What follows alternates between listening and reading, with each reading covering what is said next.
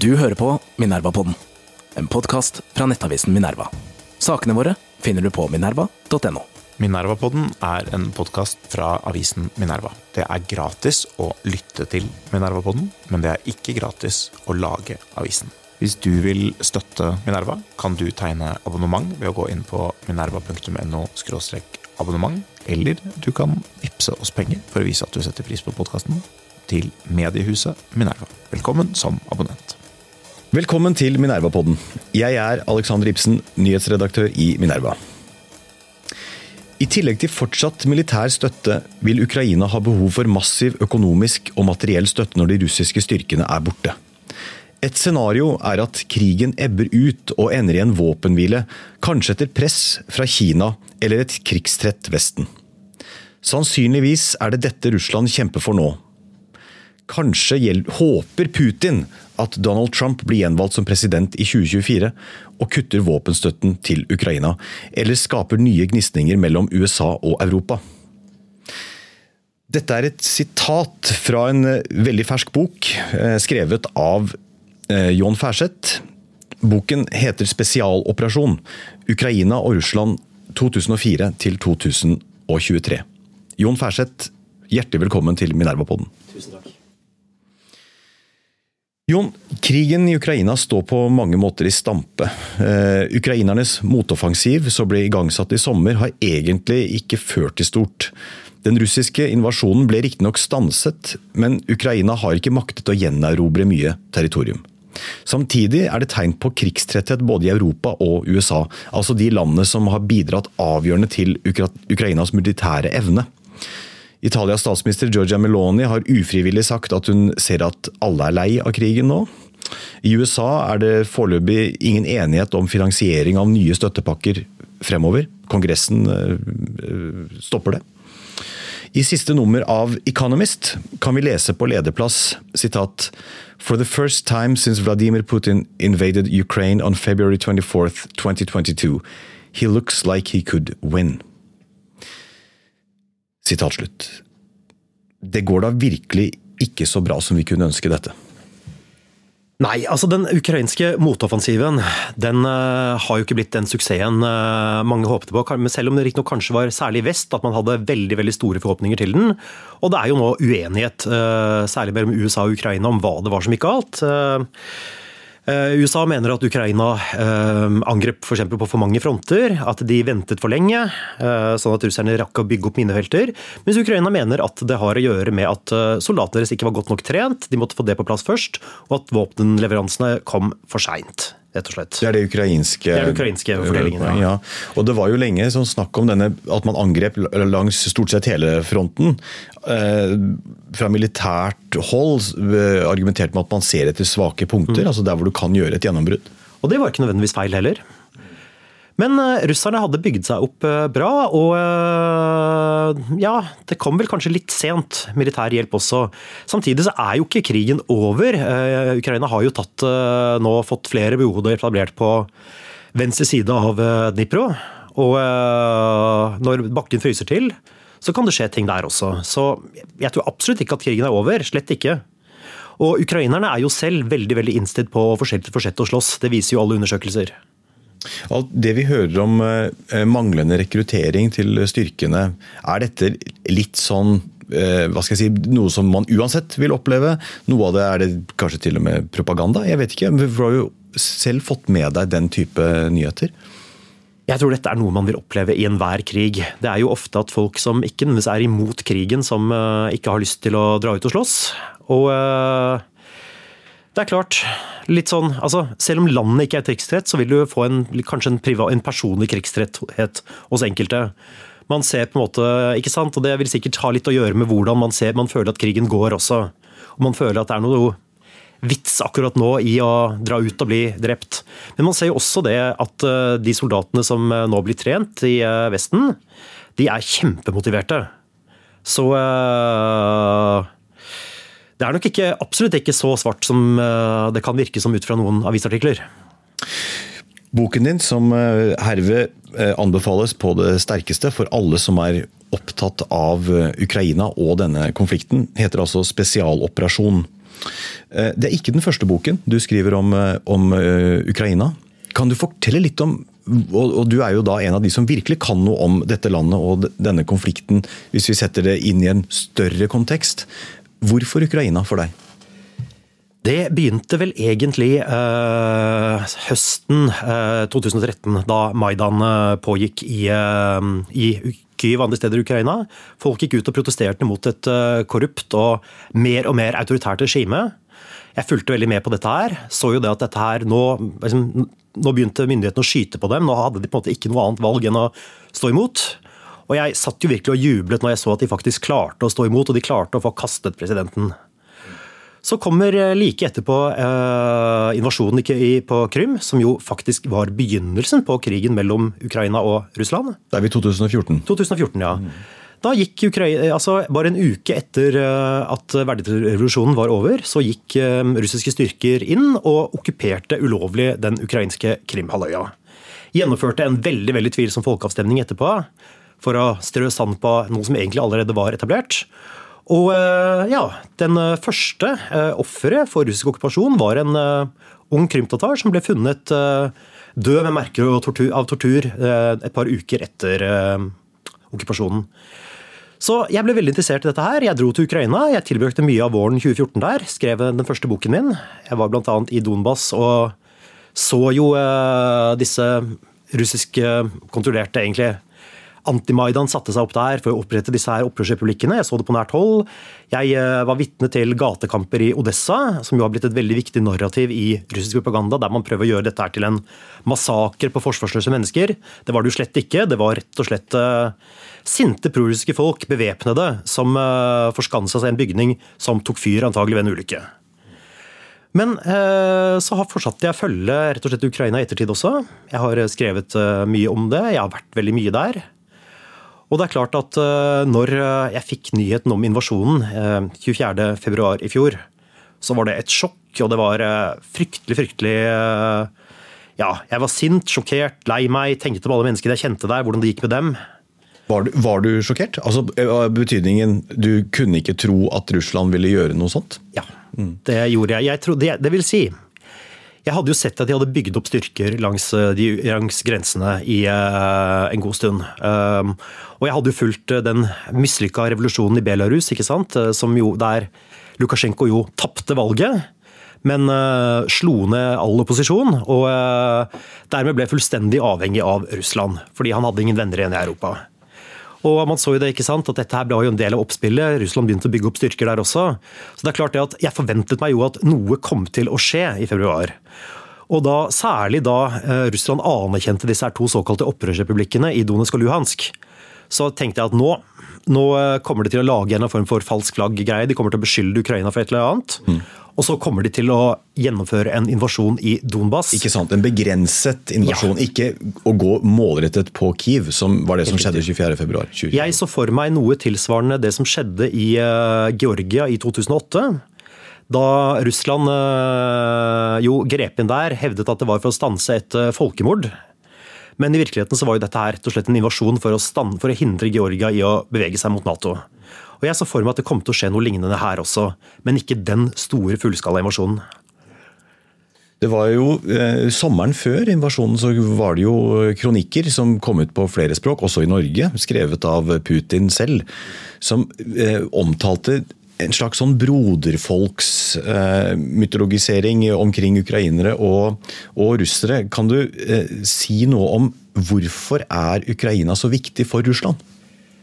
Ja, jeg mener jo at dette essayet her, det, on, the, on, the, Historical Unity of uh, Russia and Ukraine, som det heter på engelsk, er en, rett og slett et, uh, det er Putins politiske manifest for invasjonen. Det, uh, han forteller der at uh, Ukraina er ekstremt viktig historisk for uh, Russland. At det er liksom der den russiske nasjonen oppsto. Derfor kan man ikke gi det fra seg. Og Det er selvfølgelig en, en, et russisk narrativ som du lærer om på skolen i russiske historiebøker, og som også har prega det vi også her har lest om russisk historie tidligere. ikke sant? At det begynte i Kiev, og så flytta sentrum seg til eh, Moskva etter hvert. Men sannheten er jo det at eh, Ukraina og Russland faktisk ikke har vært politisk I hvert fall hvis du ser Kiev og Moskva, da. Så har ikke de vært forent eh, politisk mer enn noen få hundre år. først på 1600-tallet utover at Russland for alvor begynte å ekspandere inn i dagens Ukraina. Men det er klart det er veldig viktig for den russiske selvforståelsen, det russiske historiske narrativet, at, på en måte at det, er, det er her det begynner. Kiev er vårt, Kiev er liksom vår historiske vugge. Og så er det klart det at Ukraina er strategisk viktig. Det er et stort land med stor befolkning. Det er klart at Skal Russland liksom bli en stormakt igjen, sånn som Putin ønsker, så er det vanskelig å få til det uten Ukraina. Og så kommer eh, selvfølgelig også ressurser inn i bildet. Putin skriver riktignok ikke om det, men det er klart at det er store ressurser i Ukraina. En ting er jordbruket, som jo var, har vært kornkammer for Europa i mange mange hundre år. Viktig økonomisk både for uh, det russiske tsarriket og for uh, Sovjetunionen. Det er jo som forlengelse av dette her, ikke sant, at Stalin sultet i hjel flere millioner ukrainere på 30-tallet. Holodomor. Holodomor ja. mm. Folkemordet på ukrainere. For å forsyne seg, rett og slett for å kunne ta kornet derfra og eksportere det. Og man ser jo at Noe av det første de gikk i gang med etter at de hadde okkupert Sør-Ukraina, det var jo å ta korn og selge det og gi det bort som bistand til land i Afrika for å kjøpe seg venner der.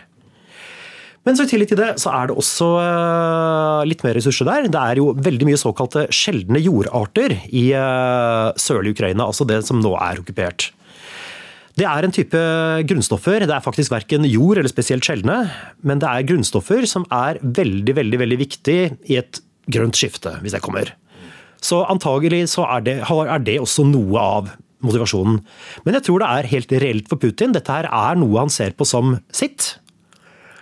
Eh, rettmessig russisk. Og eh, i tillegg til det så kommer også Putins konspirasjonsteorier.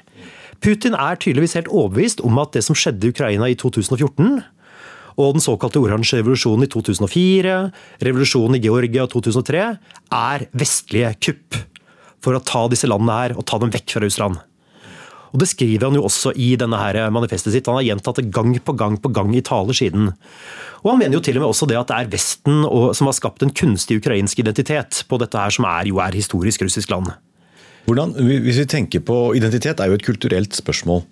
Eh, I dag er det veldig få, eh, vil jeg tro, som mener at Russland er en, et fullverdig medlem av den europeiske familie. Det er ikke bare et, eh, en, en, bortkommen sønn som nå oppfører seg på, på aggressive måter. Dette, dette, stikker ganske dypt.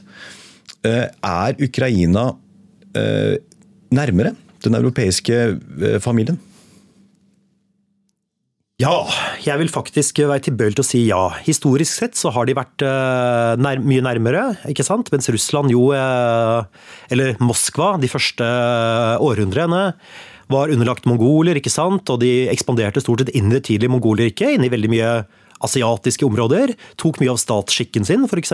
Fra, ja, fra tyrkisk-mongolske tradisjoner. Asiatisk, om man vil, selv om det høres litt kulturelt rasistisk ut så uh, har Ukraina ikke sant? De har, har eh, lang tradisjon med å være, være, forent med Polen, Litauen, uh, Sentral-Europa. Vest-Ukraina, altså rundt Lviv, var jo faktisk ikke, hadde faktisk aldri vært forent med Moskva noen gang før. I, da det ble annektert av Stalin i 1939. Aldri noensinne. Dette er en østerriksk, gammel østerriksk-ungarsk sentraleuropeisk by. Og eh, kulturelt så ser man jo også det at eh, mange av de eh, ukrainske tenkere og sånn i, eh, tidligere, sånn i, sånn i, gammel tid, var også mye, mye mer i en dialog med hva som skjedde i Vesten, eller i Europa, enn med hva som skjedde borte i Russland, kan du si. Så ja, jeg vil si det. Og du har også en eh, litt mer individualistisk tradisjon i, og kultur i Ukraina enn du har i Russland også. Så jeg vil si et betinget ja. Når det er sagt, så er det klart at de har jo vært forent veldig veldig lenge. Det er store språklige og kulturelle likheter også. Men det er helt åpenbart, det er bare å dra til Ukraina. Hvis du har vært i Russland, eller motsatt, så ser du at dette her er to forskjellige land. altså. Vi snakker jo om eh, i Donbas, altså den østlige regionen som nå eh, har vært under okkupasjon. Eh, dette er jo før 2022 også, så var det en sånn delvis, delvis okkupasjon. Dette er jo der hvor det er en russiskspråklig majoritet. Er, øh, går det an å si litt om altså denne, denne russiskspråklige majoriteten? Er det ukrainere som den ukrainsktalende befolkningen? Hvordan opplever du den dynamikken? Altså, her tror jeg man skal skille litt mellom eh, For det første så skal vi skille veldig sterkt mellom ukrainsktalende, nei, men russisktalende og russ, etniske russere. Mm. Det er jo mange i uh, Sør- og Øst-Ukraina uh, som har tradisjonelt snakket uh, hovedsakelig russisk. Enda flere er tospråklige. De aller fleste er jo tospråklige. Selv Kyiv er to, er jo, var jo lenge de facto russisktalende. Fram til egentlig ganske nylig. Det har forandra seg nå etter invasjonen men samtidig en sterkt ukrainsk nasjonalistisk by. Så det er på en måte ingen sammenheng mellom identitet og språk. Når det er sagt, så var kanskje Donbas litt eh, spesielt, i hvert fall deler av Donbas. For igjen, Donbas er veldig veldig mye. Å snakke om Donbas som én religion har jeg lært i det siste at det, selv det er litt sånn Kanskje ikke helt riktig. Det er liksom store forskjeller på, for på Mariupol og Kramatorsk f.eks. Eh, der var det nok helt klart sterkt russisktalende. Det var også en eh, Samtidig som landsbygda utenfor byene har vært ukrainsktalende der også. Men du ser også at eh, det var en identitet som var litt annerledes. Mer sovjetisk, mer enn russisk, kanskje. Eh, delvis et produkt selvfølgelig av holodomor, det også. Veldig mange ukrainsktalende bønder døde ut. Og så ble det en sterk eh, industrioppbygging i sovjetisk tid, ikke sant? med tilflytting fra hele Sovjetunionen. Litt sånn smeltedigel der, rett og slett. Samtidig så identiteten der har vært mer sovjetisk. Eh, knytta liksom til industrien, knytta til gruvene man har jobbet i. Og til, liksom til industrialiseringen i sovjetisk tid. Og det er klart at Dette var en region som ble hardt ramma av, eh, av Sovjets kollaps og overgangen til markedsøkonomi. Det var, ble mye fattigdom der, og det en, skapte en god del eh, ja, skal vi si, motvilje mot Kyiv. Samtidig som folk der også stemte for ukrainsk selvstendighet i 1991. Store flertall gjorde det. Selv på Krim, som jo er der du har en god del etniske russere, i motsetning til i Donbas, stemte jo flertallet for løsrivelse fra Sovjetunionen. Men uansett, denne misnøyen her, den ble til dels utnyttet av eh, lokale eliter, oligarker, politiske, ganske korrupte politiske nettverk. Først knyttet til det ukrainske kommunistpartiet. Som da selvfølgelig, Dette er ikke Rødts søsterparti, altså ifølge noe, hvis tilfelle noen lyttere tenker det. Dette er det gamle, ureformerte sovjetiske kommunistpartiet. ikke sant? Kommunistpartiet, etter hvert regionpartiet til Janukovitsj. Og man spilte veldig mye på dette her og liksom skyldte på Kiev og Vest-Ukrainer for alt som var gærent. At man liksom var en kjempevelstående region. ikke sant? Uh, Ukrainas økonomiske lokomotiv osv. Men at uh, man ble liksom melka utnyttet av de folka i Kyiv. Men sannheten var at det i hvert fall var, også var mye subsidier for Kyiv der. Så det var, altså, Hvor mye de egentlig var lokomotiv, hvor mye de var subsidiert, har jeg aldri klart å komme til bunns i, men det var nok et sted midt mellom. Uansett, dette her de, det, altså, Disse politiske nettverkene og klanene i Donbas ble veldig veldig viktige under Janukovitsj. Eh, altså han som var president fra 2010 til 2014. Han som ble styrtet i Maidan. Eh, og de korrupsjonsnettverkene var også liksom en del av det kleptokratiet han bygde opp. Veldig autoritær altså, stil. Altså Janukovitsj. Janukovitsj, ja. Mm. Og det, og det var også veldig mye russisk propaganda inne der, om at uh, dette var en del av den russiske verden. Ruskimir, ikke sant. Til og med i kirkene holdt man prekener som liksom oppfordret folk til å støtte Russland. Så når uh, Maidan skjedde, når Janukovitsj uh, flyktet til Russland og ble avsatt av parlamentet, så begynte man å spre propagandafortellinger der om at russisk kom til å bli forbudt i Ukraina, og at russisktalene risikerte å bli drept av dødsskvadroner som kom for å hevne seg. Nå var det liksom nazismen om igjen og alt mulig sånt. Og det skremte folk. Og det førte til store demonstrasjoner i Donbas. Men det som gjorde at det ble krig, det var likevel ikke øh, lokale forhold. Det var rett og slett at Russland, øh, først russiske statsborgere som satte seg i spissen for dette her. Russiske statsborgere uten noe særlig lokal tilknytning i det hele tatt. Det var eh, russiske våpen og etter hvert store mengder russiske soldater som utkjempet dette her. Så det var rett og slett, eh, Russland har rett og slett ført krig mot Ukraina siden 2014. Det er også noe av det viktigste i boka. Jeg pleier å si det faktisk at er det én eneste ting jeg vil at leserne skal huske fra boka, så er det det at krigen ikke begynte i 2022. Den begynte i 2014. Ja. Du har kalt uh, boken din 'Spesialoperasjon'. Hvorfor valgte du den tittelen? Nei, det var litt eh, Det er rett og slett litt fordi den er mangesidet. For det første så har jo Putin insistert på at eh, invasjonen i Ukraina og krigen som fortsatt pågår, ikke er en invasjon, men en militær spesialoperasjon. Bruker han fortsatt altså Vi vet Ja. at Putin brukte det i starten, men fortsatt Han brukte det faktisk eh, så, til, så sent som for noen uker siden, da, da, han, snakket, da han snakket om at eh, Vesten var den store fienden, og at den beste måten å støtte palestinerne i Gaza på, det var å støtte den russiske spesialoperasjonen i Ukraina. så, eh, det, så det gjør han. Men, men eh, han bruker det selv om han nå mener at krigen er en sivilisatorisk, eksistensiell krig for eh, Russland. Ja. Som sagt, bare for noen uker siden så brukte han ordet spesialoperasjon fortsatt om krigen i Ukraina. Videre, men også for å fortsette, så er det tittelen tittel litt mange fasetter. Det er også en måte å illustrere nettopp dette her at eh, Russland har forsøkt å ta over Ukraina i veldig, veldig mange år. Eh, I hvert fall siden Putin kom til makten i eh, 2000. Eh, Putin har jo, skal jo ha vært besatt, ifølge tidligere medarbeidere, av Ukraina nesten fra starten av. Og I 2004 så prøvde han å hjelpe denne Janukovitsj, som da var presidentkandidat, med å bli valgt. Ved hjelp av forskjellige, sånn, eh, ak forskjellige aktive tiltak, eh, politisk manipulering og sånt noe i Ukraina. Man eh, bygde opp videre forskjellige nettverk i Øst-Ukraina for å forberede Som kunne brukes da i invasjonen i 2014. I 2014 så lagde man en såkalt såkalt quote unquote borgerkrig der. Ved hjelp av russiske politiske teknologer, russiske statsborgere som ledere, russiske soldater. Mens man hele tiden nektet for å være involvert og kalte dette en ukrainsk borgerkrig. Så det er på en måte dette her at det har vært mange spesialoperasjoner egentlig helt siden, i hvert fall siden 2004. Det er i grunnen bakgrunnen for tittelen. En del av eh, russisk propaganda som jeg gjerne vil at du skal si litt mer om også, for dette er også noe du kjenner, virker å bestå i at eh, Russland kjemper også mot et slags dekadent Europa.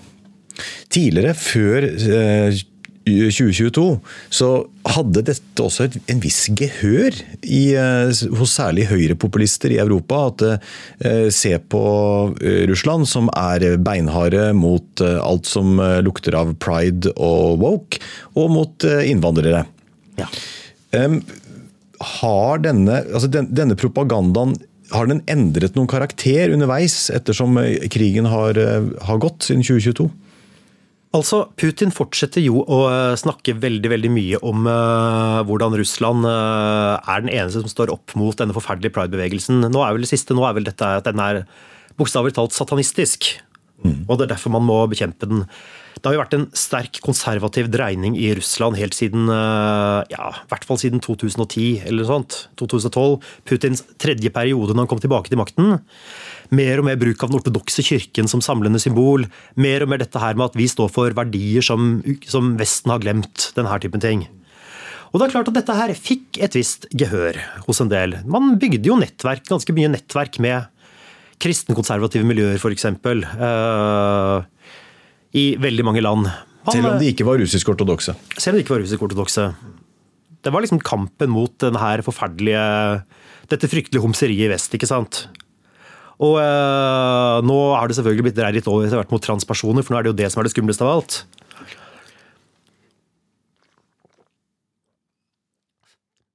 Beklager. Um, men jeg tror den, akkurat denne retorikken har mye mindre, mye mindre nedslagskraft nå, ja. Det har du helt rett i. Man ser på en måte, ikke sant, disse her som kanskje syns det var litt bra at, uh, at Russland sto opp for konservative verdier. Jeg tror de fleste av de har vanskelig med å støtte det Russland gjør i Ukraina. Etter Butsja, ikke sant, etter uh, masse rakettangrep på sivile og sånn. Det, det er vanskelig, du kan ikke støtte det her. Og du kan ikke støtte et uprovosert angrep på et annet land. en del sånn som dette. Så jeg tror den har mindre effekt nå. Jeg Det, det, jeg tror, det, det jeg tror derimot kan, har en del eh, nedslag nå, det er jo Russlands propaganda i det globale sør. Der man prøver å gjøre seg selv til en eh, dette er til en antikolonialistisk krig. ikke sant? Man slåss mot de undertrykkende eh, maktene som har liksom dominert verden i flere hundre år, og nå er det på tide å stå opp mot dem.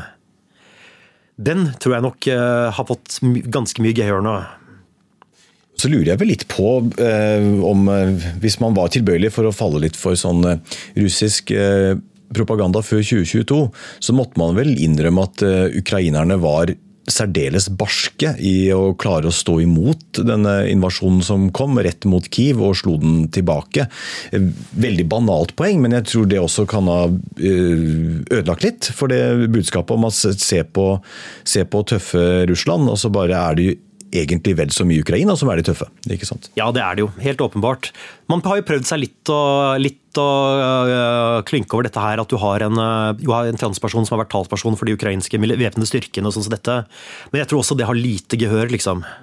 Jeg tror de, til og med for en del av de som for en enkelte vil det kanskje være litt vanskelig å stå opp mot en transperson som er tøff og tals, talsperson for militæret, liksom.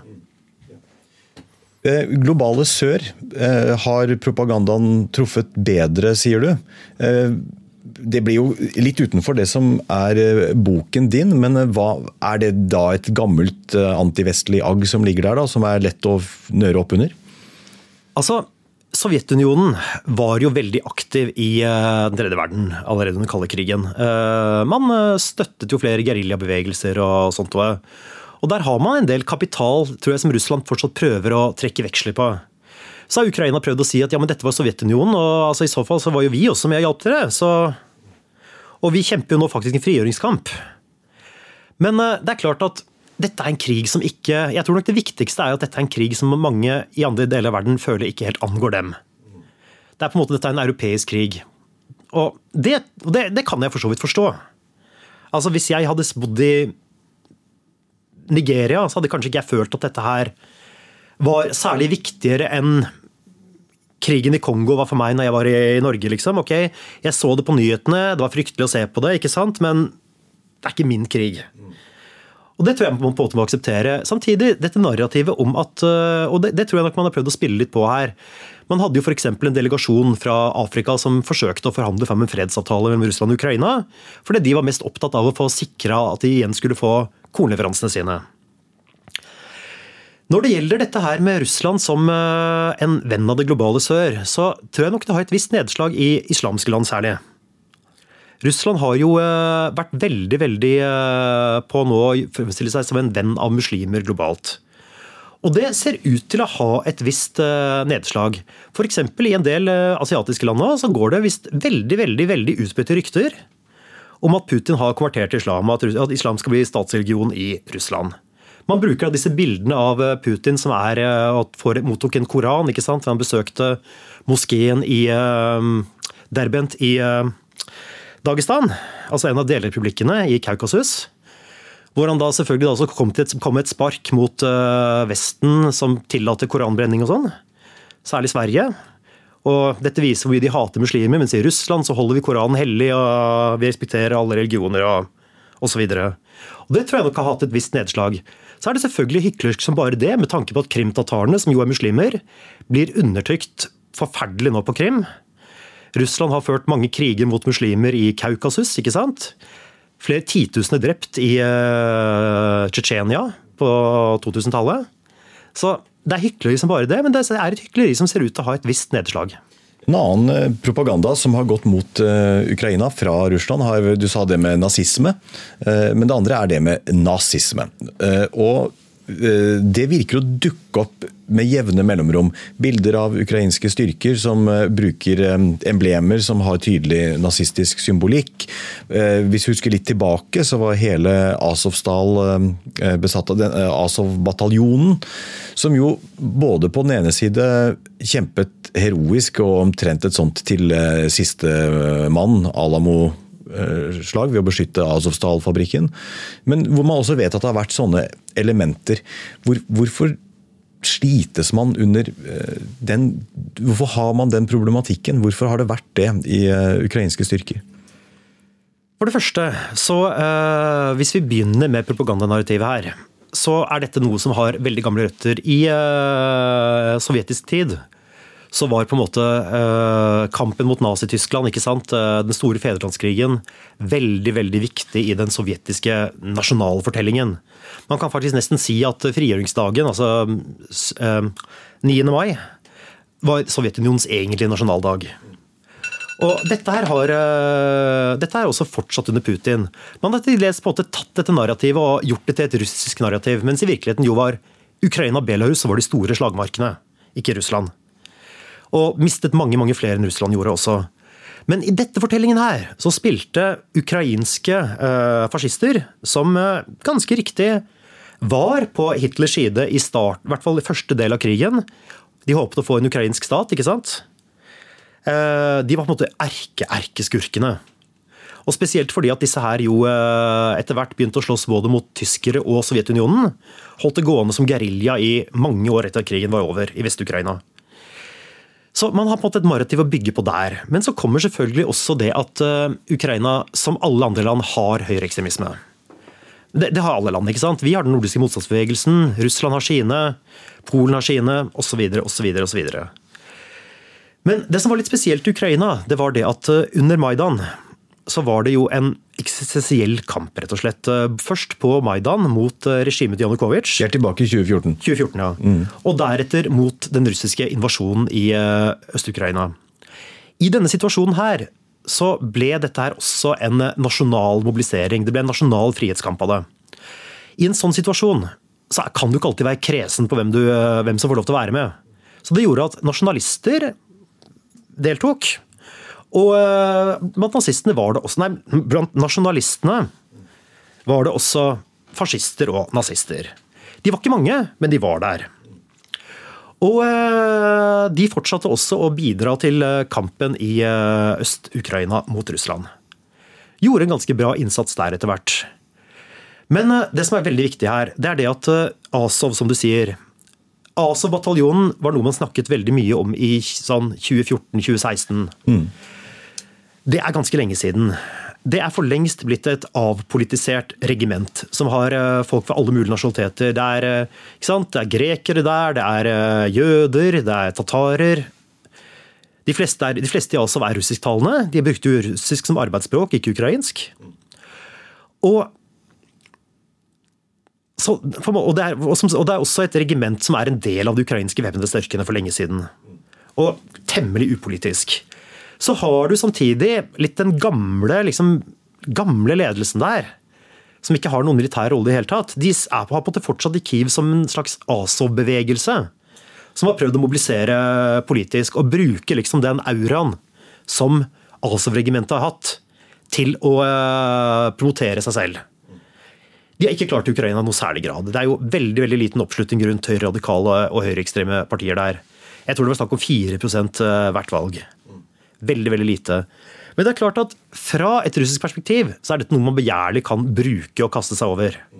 Og gjøre dette på en måte til noe sånn, nesten sånn dominerende gruppe i Ukraina. Men jeg vil si at dette er et helt falsk narrativ. Hvis vi, vi går litt tilbake til krigen nå. Uh, under Arendalsuka så virker det som om Jens Stoltenberg, stabssjef i Nato, Stian Jensen, glapp ut med noen tanker som, eh, som helst ikke skal luftes uh, offentlig. Nemlig at Ukraina kan forhandle bort territorium mot sikkerhetsgarantier. Og Da blir det jo da territorier som er okkupert. Eh, selv jeg personlig har snakket med ukrainske aktivister som jobber politisk i Brussel, som eh, ikke offentlig, men som mer eh, på privaten vil si at en eller annen sånn løsning eh, kan være nettopp det, en løsning på sikt. Og Da ser man vel det at det, å ta tilbake Krim virker som en enorm oppgave. Vi ser hvordan det går med motoffensiven, men at det også gjelder deler av øst. Da. Som du ser det, altså skal vi kategorisk være imot en slik mulighet? Jeg mener i hvert fall den uttalelsen der var veldig veldig, veldig uheldig. Den var mm. egnet til å skape tvil om eh, at Vesten fortsatt sto bak Ukraina. Den var egnet til å skape, krig, blant, eh, skape tvil, ikke minst blant ukrainerne. Gjorde den det? Har du snakket med ukrainere som eh, har opplevd det sånn? Ja. Det, I hvert fall opplevde det som en svært, svært uheldig uttalelse. Og øh, det var, til å, var egnet til å virke som dette var en prøveballong sendt fra Nato. Nå ser det ikke ut som det var det, at han bare rett forsakket seg. Så det var veldig, veldig, veldig uheldig. Når det gjelder avstått territorier, det håper jeg virkelig ikke det kommer til. Eh, det er mange grunner til det. Det første er det at man da har legitimert en angrepskrig. Man har egentlig nesten begynt å så smått legitimere igjen et prinsipp om erobreren sitt. Vi kan tenke oss da at en ganske, veldig mange, mange andre land, ikke bare stormakter som Kina, men også mindre land, vil begynne å ta det med i det politiske spørsmålet. ikke sant? Er det, er det verdt å kjøre en krig når vi er her og ta det territoriet, når vi på sikt antagelig blir sittende og beholde det? Og det, vil, det, vil, det, er masse uløse, det er masse grensekonflikter rundt i verden. Masse territoriale krav. Så det kan bli en katastrofe. En annen ting er jo hensynet til er jo disse områdene selv. Det bor mennesker der. Det å leve under russisk okkupasjon, vi vet at det er forferdelig. Det er, eh, folk forsvinner, folk blir uh, torturert, drept. Uh, masse mennesker har jo blitt bortført til Russland. ikke sant? Særlig barn. Flere tusen barn har blitt henta til Russland. Det er øh, Folk blir tvunget til å ta russisk statsborgerskap. De skal liksom tvangsrussifiseres. Det er rett og slett ganske forferdelig å leve der. Og da vil vi, Man vil jo da på en måte la disse menneskene her i stikken. Så kommer også det at det vil jo ikke bli noe bra liv der i framtiden heller. Altså, Russland har ikke råd til å gjenoppbygge dette her. Russland er et u-land. Ukraina, med vestlig hjelp, har tross alt en mye større sjanse for å kunne gjenoppbygge det igjen. Og skape et nytt liv der for disse menneskene. Så Derfor mener jeg at dette var en veldig veldig, veldig uheldig uttalelse. En nærmer oss eh, slutten, Jon. Eh, en frykt som jeg og sikkert mange andre har nå, er at vi står overfor et skuffet Ukraina. Eh, og et fragmentert Europa. De to tingene tror jeg kanskje kan henge litt sammen. Hvis jeg forsøker å leve meg litt inn i hvordan ukrainernes opplevelse av dette hele med krigen er, så vil jeg vel tenke at de opplever det som at Europa riktignok har støttet dem, Europa og USA, eh, men at vi har slept bena litt etter oss. Eh, at vi, har, at vi stadig har gitt mer avanserte våpensystemer, men at vi har gjort det etter veldig mye diskusjon og debatt, og på den måten fratatt ukrainerne mulighet til å faktisk anvende dem effektivt i strid. Eh, vi brukte f.eks. en eh, evighet på stridsvogner og F-16-fly som ennå ikke eh, er i stand til å gjøre noen forskjell. Og at ukrainerne egentlig utelukkende ba om våpen for å forsvare seg. De ba jo ikke om styrker. De ba om, de ba om våpen for å kunne forsvare seg, og så skulle de ta kampen. Men så har vi, ved at det har gått litt sent, tross alt, og vi har gjort mye, men det har gått litt sent. Dette har gitt russerne tid til å befeste seg, og nå da stå imot en uh, motoffensiv. Og vi ser litt fragment, tilløp til fragmentering omkring det ukrainske støtteprosjektet da, i, uh, i Europa og EU. Er det mot en slik situasjon vi er litt på vei? Ser du det også litt i horisonten? Jeg håper ikke det. Som sagt, kampviljen i Ukraina er fortsatt sterk. Og det er jo på en måte, og det er jo jeg mener det er litt feil å si at, at Ukraina kjemper for Europa, f.eks. Det er jo for seg selv de hovedsakelig kjemper. Dette er en demokratisk stat som forsvarer seg selv. Selv om det er klart at det vil være veldig veldig farlig for oss også hvis Russland vinner dette her da kommer Russland til å fortsette med å være aggressiv andre steder. for de har sett at de, vinner, at de har vunnet på dette. ikke sant? Og Derfor snakker vi Baltikum, da? eller? Vi snakker om uh, først og fremst Belarus, Moldova, Georgia, men et videre inn i Baltikum også. Det kan til og med skape tvil internt hos oss om uh, vi faktisk vil få hjelp når det, når det trengs. Det er nå én ting. Men altså, skuffelse. Ja, det er jo helt åpenbart det at Ukraina nå kommer med, Ukraina nå kommer med motanklager. ikke sant? Sier at det er dette skyldes at dere var treige med å gi oss hjelp. Et skuffet Ukraina Ja, altså Skulle Putin vinne dette her, så gud forby, så vil det klart det vil være skuffelse der. Men øh, Så jeg kan bare si at jeg håper virkelig ikke at vi kommer dit. Nei, og det er vel det som eh, Hvis vi tenker på EU, EU eh, e og til en viss grad Nato også, rett før 2022, eh, var, var litt på leting etter en misjon, et prosjekt, og fikk det jo ved denne, denne krigen. Hvis den glipper, så er vi jo da tilbake til liksom 2010-årene, da. når det kommer til samhold og integrasjon i Europa. Det er vi. Og jeg tror vi er tilbake i 2010-årene. Vi vil også være tilbake i en litt enda farlig situasjon. Vi vil være tilbake kanskje til sånn type 2016 til 2020-årene, når det begynte å bli tvil om eh, Nato faktisk ville være der og ville komme oss til hjelp i en eh, militært eh, trua situasjon. Så det er klart, det er stygge prospekter også for oss, om ikke dette her Om ikke vi klarer å hjelpe Ukraina å vinne dette her. Men som klart, det handler for meg mest av alt først og fremst om Ukraina. Dette er et uh, fredelig land. Det er et uh, som jeg er ganske glad i, som har blitt angrepet. Uh, uprovosert. Som har kjempet en helt fantastisk kamp og har et helt fantastisk egenmobilisering. Altså folk var jo ute og bygde tanksperrer. Folk var ute og begynte frivillig å kjøre til Kharkiv for å evakuere folk med sine egne biler. Masse folk fortsatt som samler inn til militæret, kjører forsyninger til sivile langs fronten helt fantastisk, det som foregår. Så jeg tror ikke at krigen er over enda, for å si det sånn. Men det er klart, det er avhengig av vår hjelp også. Og en fin måte å avslutte på, eh, Jon Ferseth, og en god påminnelse om hvorfor det er verdt å støtte Ukraina. Boken din heter da 'Spesialoperasjon Ukraina og Russland 2004 2023'. Vi må avslutte med tre kjappe helt til slutt. Så ja, nei. Dette har vi lært av Ukraina-krigen så langt. Vestlige våpen er overlegne russiske våpen. Europa klarer tross alt å stå sammen om viktige spørsmål. Ja, foreløpig. Et betinget ja på den. Ja. Russisk propaganda har egentlig litt begrenset effekt i Europa. Ja. Jon Færseth, tusen takk for at du kom til Minerva-podden. Selv takk.